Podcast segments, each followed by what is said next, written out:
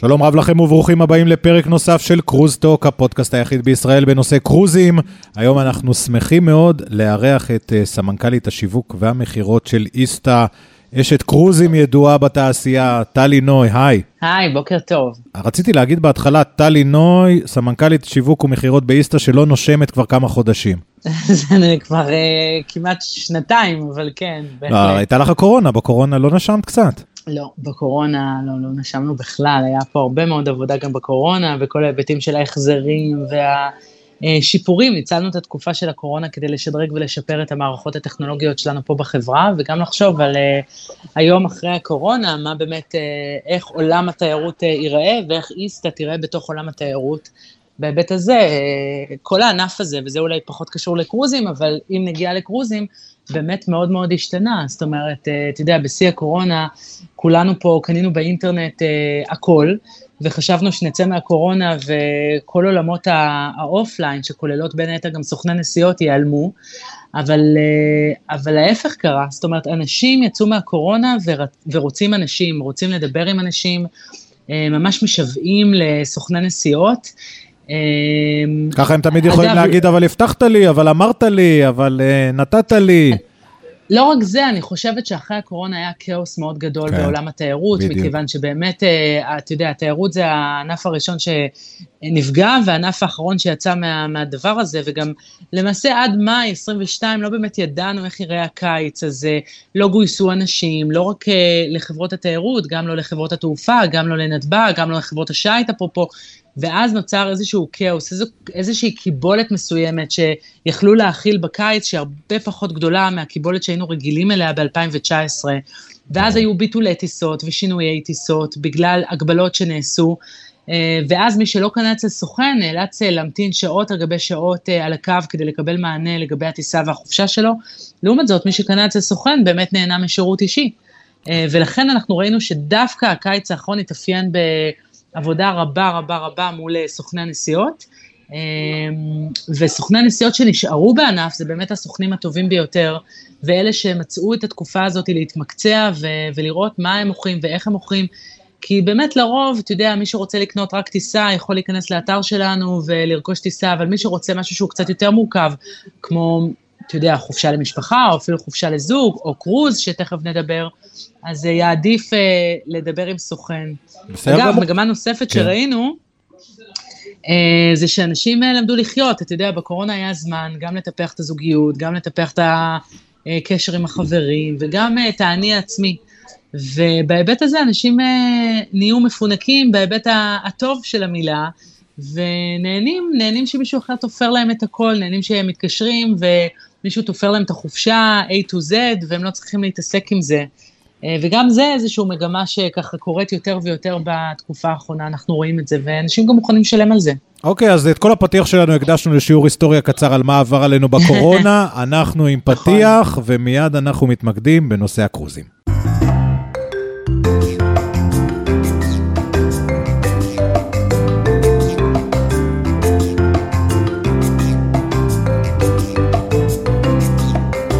אוקיי, אז אה, איתנו על הקו אנחנו מזכירים שוב, טלי נויס, המנכ"לית השיווק והמכירות של ליסטה, שטוענת שגם בקורונה היה לה קשה, אבל עכשיו עוד יותר uh, קשה אפילו, כי באמת אנשים כבר רוצים לחזור לשגרה ורוצים uh, גם להפליג. היי hey, טלי, שוב שלום. אהלן.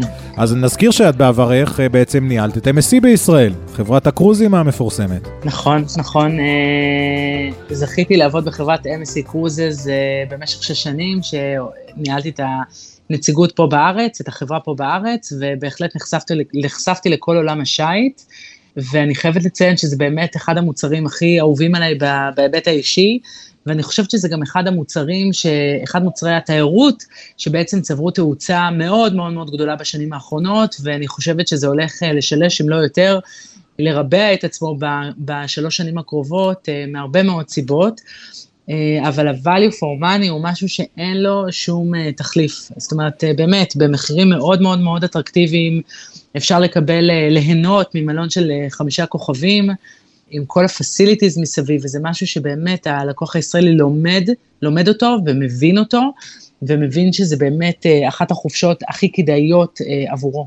אז את בעצם אה, עכשיו באיסתא, בכובע שלך באיסתא, מוכרת אה, לא מעט קרוזים, גם מהארץ, גם מהעולם, תכף נדבר ונפרט, אבל איך את רואה את 2022 מבחינת אה, הקהל הישראלי, שבעצם לא הפליג במשך שנתיים, ועכשיו פתאום יש לו גם לא מעט אופציות להפליג מישראל, מחיפה? איך, איך את רואה את התהליך הזה? קודם כל, מאוד מאוד מאוד כיף ששלושת חברות הקרוזים הגדולות בעולם, נורוויג'ין, רויאל קריביאן ו-MSC, בחרו למקם אוניות בנמל חיפה על בסיס קבוע כמעט uh, בעונה החמה, ולאפשר לישראלים לחסוך את כל הסיפור הזה של הטיסה ולקחת, uh, ליהנות מהפלגה יוקרתית. פשוט, אתה יודע, לקחת רכבת לחיפה, להיכנס לאונייה, ליהנות משבוע של הפלגה יוקרתית, לחזור לחיפה ו...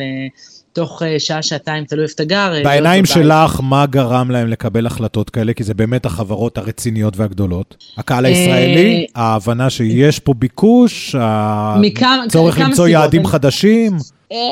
כל התשובות נכונות, אני חושבת. אני חושבת שהרבה זמן, זה לא משהו חדש. אני חושבת שגם לפני הקורונה, לפחות בהיבט של MSC, אני יודעת, היה פה תכנון אה, להציב אונייה באופן קבוע, מתוך הבנה שהקהל הישראלי עם אחוז גידול בין הגדולים שיש בעולם, עבור קרוזים, וגם בגלל שמי שרוצה להפליג, אה, יש המון המון אה, תיירים, אם זה אירופאים, אם זה אמריקאים, שרוצים לבוא ולטור בישראל, ובעצם חברות הקרוזים מאפשרות הפלגה לאחד היעדים הכי הכי אטרקטיביים שיש בעולם. בסך הכל ישראל הקטנה מאפשרת גישה גם לירושלים, לים המלח, לנצרת, למקומות מאוד מאוד אסטרטגיים בהיבט התיירותי. אה, ולכן מאוד חשוב אה, להביא אונייה שתגיע גם לכאן. אז אה, כל הדברים האלה, יחד עם הביקוש של הישראלים שהולך וגדל, ויחד עם הביקוש להגיע לישראל ולייצר מסלולים חדשים, הביאו את חברות השיט להבנה כי צריך לשים פה אונייה באופן קבוע בעונת השיא. אל תשכח שחברות השיט הגדולות גם אה, בנו תוכנית עשור לבניית אוניות נוספות, כך שזה מאפשר להן אה, להקצות חלק מהאוניות גם למסלולים חדשים, בין היתר למסלול שכולל בתוכו את ישראל. אז אני חושבת ש, שזו, שזו הייתה אה, המטרה כבר לפני הקורונה, הקורונה קצת עיכבה את זה, ואנחנו רואים את המימוש ב-2022, דבר שמאוד משמח. ואני חוזרת לשאלה הקודמת שלך, איך אני רואה את 2022. אני חושבת אתה יודע, אני אתן דוגמה דווקא מעולם תוכן אחר. עד שאתה לא עושה סקי, אתה לא מבין מה זה חופשת סקי. אז עד שאתה לא עושה קרוז, אתה לא מבין מה זה חופשת קרוז. תקופה מאוד ארוכה, בעצם אה, חברות התיירות ניסו להסביר מה זה חופשת, מה זה חופשת קרוז ולמה היא כדאית. אבל מאוד מאוד קשה להסביר לאנשים מה זה חופשת צריך קרוז. צריך לחוות את זה, את אומרת. בדיוק.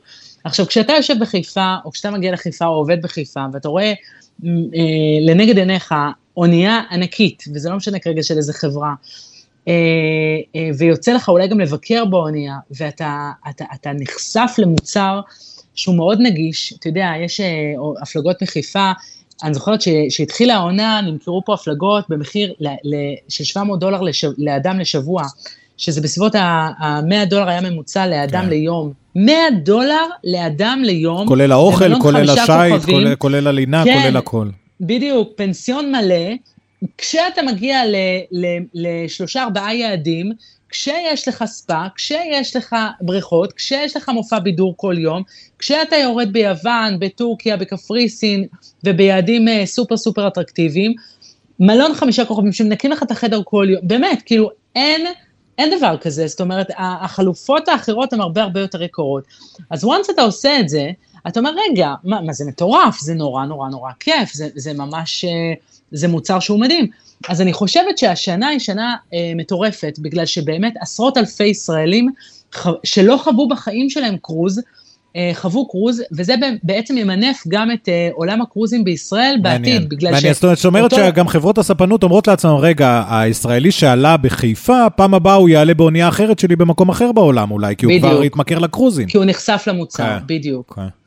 בדיוק, זה כמו שאתה עשית סקי פעם אחת, אז אתה תעשה כבר בשנים הבאות, ואם השנה אני עשיתי קרוז שיצא מחיפה ועבר, בסך הכל רוב הקרוזים שיוצאים מחיפה מגיעים לאותם יעדים פחות או יותר, כן. מאוד קשה פה להיות uh, יצירתי, אלא אם כן יהיה איזשהו הסכם שלום כזה או אחר עם מדינות uh, צפוניות או, או אחרות, אבל uh, אני אומרת, כאילו, אז אם מיציתי את זה, שנה הבאה אני ארצה להגיע לאונייה אולי יותר גדולה, אולי יותר חדישה, אולי ליעדים אחרים וכולי, נכון, נכון. ואני פחות אפחד ואני אגיד, וואלה, זה, זה מושך אותי, אני רוצה להבין אה, אה איפה עוד אפשר להפליג ולאן עוד כדאי להגיע. אפרופו, אפרופו שבהיבט... היעדים מישראל, את יודעת, פגשתי פעם, את בטח מכירה את הארי סאמר, שהוא אה, הנשיא של נורוויג'יאן. אז uh, ישבנו באיזה פגישה במיאמי, אז הוא אומר, כן, אבל קשה מכם להגיע לעוד יעדים. אמרתי לו, כן, גם אנחנו היינו מוכנים להיות קצת uh, ממוקמים יותר מערבה. אז הוא אומר לי, גם, גם חלק מהשכנים שלכם היו שמחים אם הייתם ממוקמים יותר מערבה. אז... עצוב, נכון. כן, כן, אבל הופתעת אגב שהאוניות ב-2022 מחיפה כל כך מלאות? כי בכל זאת, אנחנו שומעים בעולם שיש חזרה לקרוזים, אבל לא בקפסיטי של 2019, ופה אנחנו רואים אוניות מלאות. זה מפתיע. כן, אתה יודע, קודם כל הישראלים אוהבים חופשות, אני חושבת שגם אין הרבה, אתה יודע, בתי המלון פה בארץ היו עמוסים לגמרי, היה קשה גם למצוא זמינות פה בארץ. אני חושבת שזה גם אה, משהו חדש, אתה יודע, מוצר כן. חדש שיש לישראלים שלא היה בעבר, במחירים מאוד מאוד מאוד אטרקטיביים. זה אוניות קרוז באמת, המותגים הכי מובילים בעולם. אז כמובן שהייתה התנפלות uh, מטורפת על הדבר הזה. את חושבת שהמראות אה, מנתב"ג? את חושבת שהמראות מנתב"ג אה, קצת אה, הבריחו במרכאות אנשים לקרוזים? כן, אני חושבת שהרבה מאוד אנשים שראו את הבעייתיות, זאת אומרת, היה, הייתה פחות אפשרות לטוס בקיץ הקרוב, אנחנו רואים את זה לפחות אפילו בהיבט של איסתא, ואני יוצאת שנייה מעולם הקרוזים, mm-hmm. אנחנו רואים את הקיץ חודר לתוך החורף. זאת אומרת, הרבה מאוד, החורף הוא הרבה יותר אה, חזק מחורפים שהיו לפני הקורונה, כי הרבה משפחות שלא אה, טסו בקיץ, בגלל הבלגן שהיה, מעדיפות אה, להמיר את חופשת הקיץ שלהם בחורף. ואנחנו כנראה מבינים שגם חלק מהמשפחות שלא רצו לטוס בקיץ בגלל הברדק, בגלל כן. שהיה מגבלה מסוימת של כמות טיסות, ואולי המחירים, בעצם המירו את החופשה שלהם להפלגה. את מרגישה, אם אנחנו מדברים רגע על הישראלים שבאמת מזמינים גם דרככם המון קרוזים, יש אה, להם העדפה מסוימת, יש להם אה, אה, מחויבות, יש להם נאמנות לחברת קרוזים מסוימת, מה, מה חשוב להם כשהם באים אלייך, אולי הם באים אלייך אפילו, טלי, אומרים לה, חבר'ה יקרים באיסתא, תציעו לי גם, כאילו... כן, אז, אז פה אני אחלק את התשובה שלי לשתיים. יש לנו בעצם את לקוחות הקרוזים הקבועים, שזה קרוזרים קבועים, זה לקוחות ששנים מפליגים, שהם בדרך כלל באים מאוד מאוד מבושלים והם יודעים מה הם רוצים. או שהם dedicated לחברת שיט, או שהם dedicated ליעדים מאוד אקזוטיים, ואז הם פחות רגישים לחברת השייט. אה, אבל זה אנשים שבאים בדרך כלל מבושלים ויודעים מה הם רוצים. ויש קהל מאוד גדול, ואת זה אנחנו ראינו השנה בעיקר, ששמעו על קרוזים, ראו פרסומות על קרוזים, לא מבינים שום דבר בקרוזים. לא הפליגו. לא אומרים את הדבר הבא. לא הפליגו, ואז הם אומרים, תשמעי, אה, תשמעו, תשמעי טלי או תשמעי מרינה, כן. לא משנה, שם של סוכנת שיט מאוד טובה אצלנו, תשמעי מרינה יקרה, אני רוצה להפליג בקיץ או, או בסוכות עם המשפחה, אני זוג עם שני ילדים, אני חשבתי uh, לעשות במערב אירופה באחת, באחת האוניות החדשות. חשוב לי שיהיה מגלשת מים לילדים, שיהיה אחלה אוכל ושהחדר יהיה מרווח. ופה באמת צריך מקצוענות של סוכן נסיעות, לדעת מה מתאים לאותה לקוחה. בדרך כלל גם הלקוחות נותנים איזושהי מגבלת תקציב. Uh, הרבה פעמים לא יודעים כמה הקרוז עולה, אבל הם אומרים, אנחנו רוצים סדר גודל של 5,000 עד 10,000 דולר וכן הלאה וכן הלאה. עכשיו, צריך סוכן מיומן שידע להתאים קודם כל איזה קרוז מתאים לאותה אה, אותו, אותה לקוח או לקוחה. באמת, האם זה קרוז שמה שמוביל אותו זה אטרקציות לילדים, מה שמוביל אותו זה היעד, מה שמוביל אותו זה המחיר, מה שמוביל אותו זה רמת הפינוק, וצריך לעשות דיפרנציאציה. אני יכולה להגיד לך על עצמי, כשאני נסעתי עם הילדים, מה שעניין אותי, באמת, זה אך ורק האטרקציות שיהיו לילדים, אבל כשאני נוסעת עם אה, בן זוג או עם חברה, אז מה שמעניין אותי זה להגיע ליעדים שהיה לי קשה להגיע אליהם, מה שנקרא לבד, בטיסה, אה, אה, בטיסה וטיול וסיור חוף, כמו למשל הפיורדים או אלסקה, מקומות שמאוד מאוד קשה להגיע אליהם לבד. אז פחות מעניין אותי אם יש שם מגלשת מים, או שיש שם איזשהו באולינג, או כל מיני אטרקציות לילדים, כי אני עושה גם ככה בלי ילדים. אבל זה, אז קודם כל, ההתאמה היא מאוד מאוד חשובה, וכך גם המותג, אתה יודע, מאוד, יש גם הבדלים למשל בין חברות השייט, ברמת האוכל יש חברות שייט שהן אמריקאיות, שהאוכל המוביל שם זה יותר בשר, mm-hmm. ויותר אה, מה שנקרא fast food, ויש חברות שהן אה, אירופאיות, שמה שמוביל שם זה יותר אוכל מדיטריאן אה, נקרא לזה, ים תיכוני, מאוד מאוד דומה לשלנו, אז גם פה חשוב לשאול את הלקוח איזה סוג אוכל הוא אוהב, מה חשוב לו, חשוב לו הנוחות בחדר, ואז להציע לו למשל סוויטות, או חד... שני חדרים עם דלת מקשרת, או מישהו שמאוד רגיש למחיר, אז למצוא לו חדר אה, לרביעייה, זאת אומרת, צריך באמת סוכן מומחה שידע להתאים את המגוון, ויש את המגוון ואת הידע הנדרש. תגיד, שאלה... שאלה... פח, רגע, לא פחות כן, חשוב, לא כן. לא פחות חשוב בהיבט הזה, זה גם הטיסות. ברור. זאת אומרת, חשוב מאוד מאוד מאוד לשים לב לטיסות, איזה טיסות יש, אם זה עם ילדים אז בלי connection, אם זה בלי ילדים אז עם connection אפשר, כדי להוזיל באמת את מחיר החבילה. וגם פה חשוב מאוד להתייעץ, כי אפשר ליפול פה. תגיד, שאלה לגבי הישראלים באמת, אני מנסה לחשוב, קיץ 2023, הישראלים בשלים להזמין כבר קרוזים לשנה הבאה? או שזה יותר אה, מעכשיו לעכשיו? כי את יודעת, אני מקבל הרבה פניות בחודש, חודש וחצי האחרון. יש, איפה יש? מה פנוי? אני אומר, חבר'ה, ההפלגות כבר די מלאות, תחשבו על 2023. לפעמים זה קשה לאנשים להתחייב לשנה הבאה כבר, אפילו שההרשמה יכולה פתוחה. קיץ 2023 אני ממליצה עוד טיפה לחכות, מכיוון שכל אה, חברות התיירות, ביניהם גם איסטה, עושות עכשיו את הסכמי הסחר עם אה, חברות התעופה בין היתר, כדי לייצר חבילות מאוד מאוד אטרקטיביות. אז מתי היית מזמינה את הקיץ הבא? או מתעניינת על הקיץ הבא? אני הייתי מזמינה בסביבות נובמבר, מתחילה להזמין בסביבות נובמבר-דצמבר, לקיץ 23. אבל, מה שכן שווה להזמין עכשיו זה פסח 23, okay. אוקיי. כי חבילות פסח uh, כרגע הן מאוד מאוד מאוד זולות. יש אפילו הפלגות שיוצאות מחיפה בפסח הקרוב ב-600 דולר, uh, בסביבות ה-600 דולר, מחירים מאוד מאוד מאוד אטרקטיביים, שאין לי ספק שעוד חודש הם יעלו. כנ"ל אה, חבילות אירופה לפסח, שהן אה, יחסית סביב ה-800 דולר, וגם הטיסות כרגע מאוד זולות. אז פסח, מי שרוצה להזמין לפסח עכשיו. קיץ, טיפה לחכות עוד חודש-חודשיים, כי יהיו מחירים בעיניי יותר טובים ממה שכרגע אפשר למצוא, אה, מבחינת החבילות, ואפשר אפשר כבר עכשיו להתחיל לשריין, אבל ככה, מי שמעדיף חבילה ולהיעזר בסוכן, אז ככה לחכות עוד איזה חודש-חודשיים עד שהכל יוצג אה, ויהיה גמור ויוכל ליהנות ממחירים מאוד טובים. וזהו, ומי שרוצה פסח, אז כדאי עכשיו. מעולה. אני יודע שקשה הכללות, אבל הישראלים תופסים את הקרוז נכון להיום כבילוי משפחתי? או שאת רואה הרבה זוגות?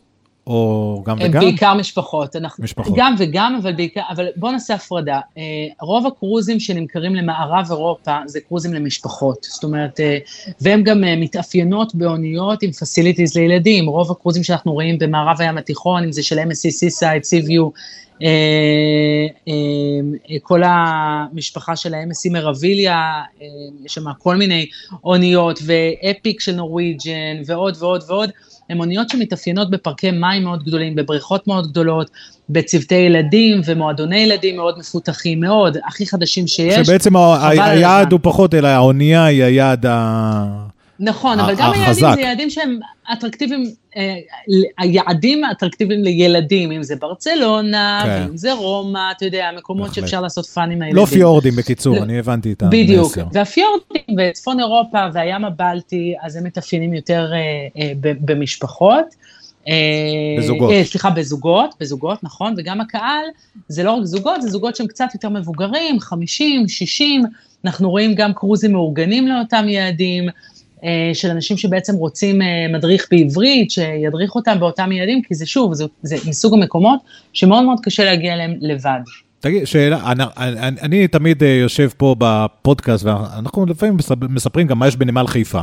אוקיי, אז בנמל חיפה יש תשע, עשר אוניות שמחליפות, סוג, חברות שמחליפות פה נוסעים. אבל אנחנו מדברים על ה-obvious, על, על MSC, על נורוויג'יאן, על מנו, על רויאל.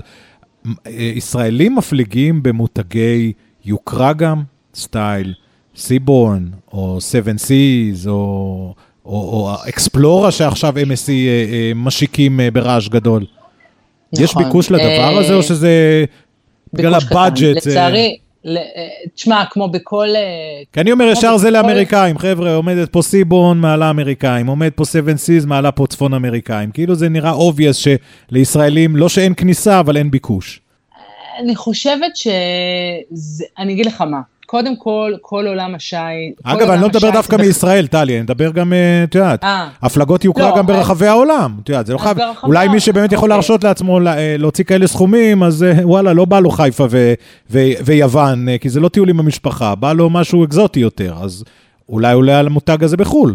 לא הבנתי, אתה שואל לגבי אם בישראל יש ביקוש למותגי אני אומר, האם לא ישראלים לוקחים מטוס, טלי, סדרי לי טיסה, אני אה. לא יודע מה, לאיזה חור, ואני עולה שם על מותג יוקרה, וכן, ואני משלם אה, מאות רבות של דולרים ליום, אוקיי. אין בעיה, כי זה once in lifetime. תראה, יש ביקוש, אבל ביקוש מאוד מאוד מאוד קטן. אני רוצה שנייה לשים בסוגריים, שים לב שכל עולם הקרוזים, כסגמנט בעולם התיירות, הוא סגמנט מאוד קטן. עדיין אנחנו מדברים על עשרות אלפי נוסעים בשנה, מתוך הרבה מאוד מיליונים שנוסעים מדי שנה לחו"ל. נכון. עכשיו, בתוך הכמה עשרות אלפי אה, נוסעים בשנה בעולם הקרוזים, יש uh, כמה אלפים בודדים שמפליגים בהפלגות יוקרה, דהיינו אקספלורה שציינת מקודם, שיש, אולי התחילו קצת הזמנות. לא, אני מרגיש דווקא שהם כן מנסים לדחוף את אקספלורה בישראל. אני מתחיל להרגיש מיום ליום, את יודעת, היה פה נציג שלהם עוד שבועיים, אנחנו מארחים נציגה בכירה שלהם, נראה לי שהם, אולי בגלל שישראל קרובה לליבם, חושבים שאולי כן יצליחו למשוך, כמובן זה בכמויות קטנות, קצת ישראלים. כי אני רואה שריג'נט כאלה וסיבורן לא משקיעים בישראל בכלל מאמצי שיווק. נכון. נכון, אקספלורה זה באמת אה, חוויה, חוויה אחרת, אבל אני כבר לא עובד ב-MSC, אז אסור לי פה לתת לא, לא, לא, בסדר, אנחנו...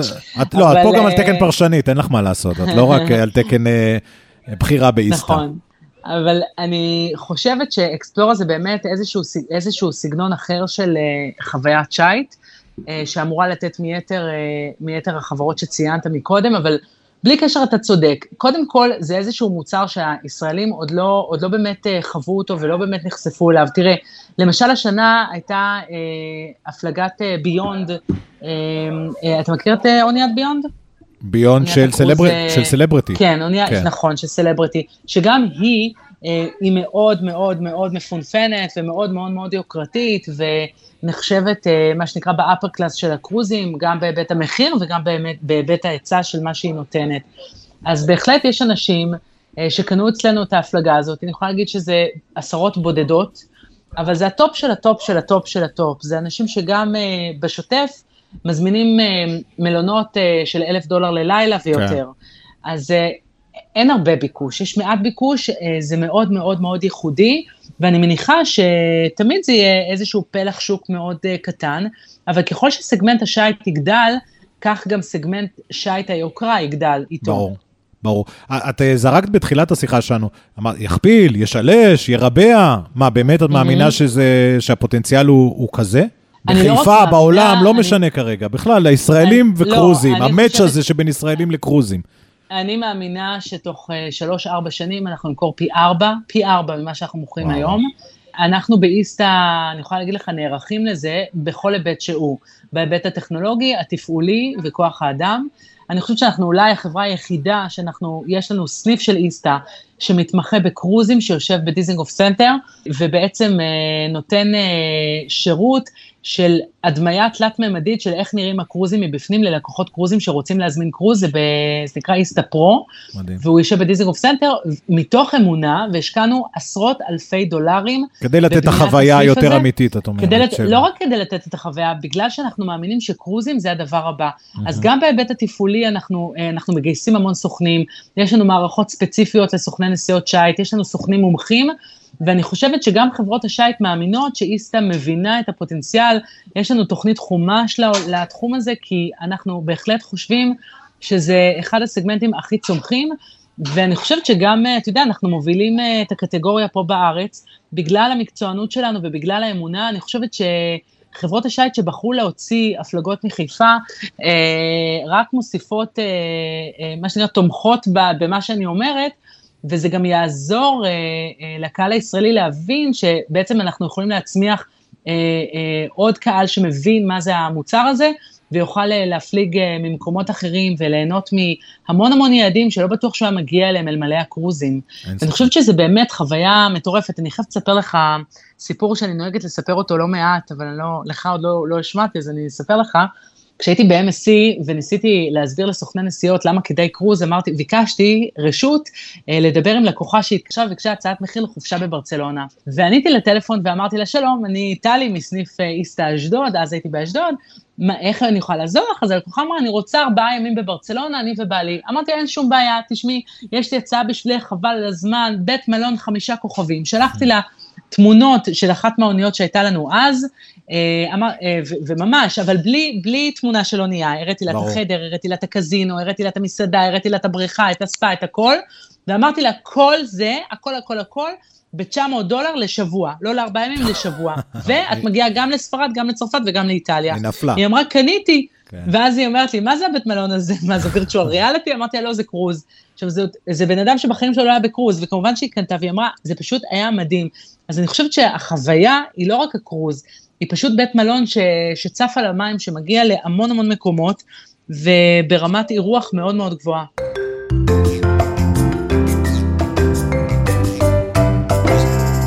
את יודעת, לקח לנו יותר מ-40 פרקים עד שהבאנו אותך לפרק שלנו. אה? ידעתי למה, ידעתי למה. שמחה שהוזמנתי. לא, ידעתי למה, בהחלט, באמת מהמומחיות הגדולות בתחום הזה בישראל. אה, למדנו המון, היה כיף, ולא נחכה עוד 40 פרקים עד הפעם הבאה. אין שום בעיה. טלי נוי, סמנכ"לית שיווק ומכירות באיסתא, תודה רבה לך. תודה זוהר, תודה רבה. ביי ביי. זהו, עם אה, טלי אנחנו מסיימים את הפרק הזה, מקווה שגם היה לכם מעניין. אם עוד לא הפלגתם במקרה על קרוז עד עכשיו, אז אחרי הפרק הזה חסר לכם שלא תתנסו ותתמכרו. זהו, עד כאן קרוז טוק להפעם. אתם מוזמנים לכתוב לנו לחיפה.טרמינל או להיכנס לעמוד הפייסבוק שלנו, קרוז טוק, שם גם תוכלו להגיב לנו באונליין ולשמוע את כל הפרקים. בינתיים, שתהיה לכם הפלגה נעימה. ביי ביי.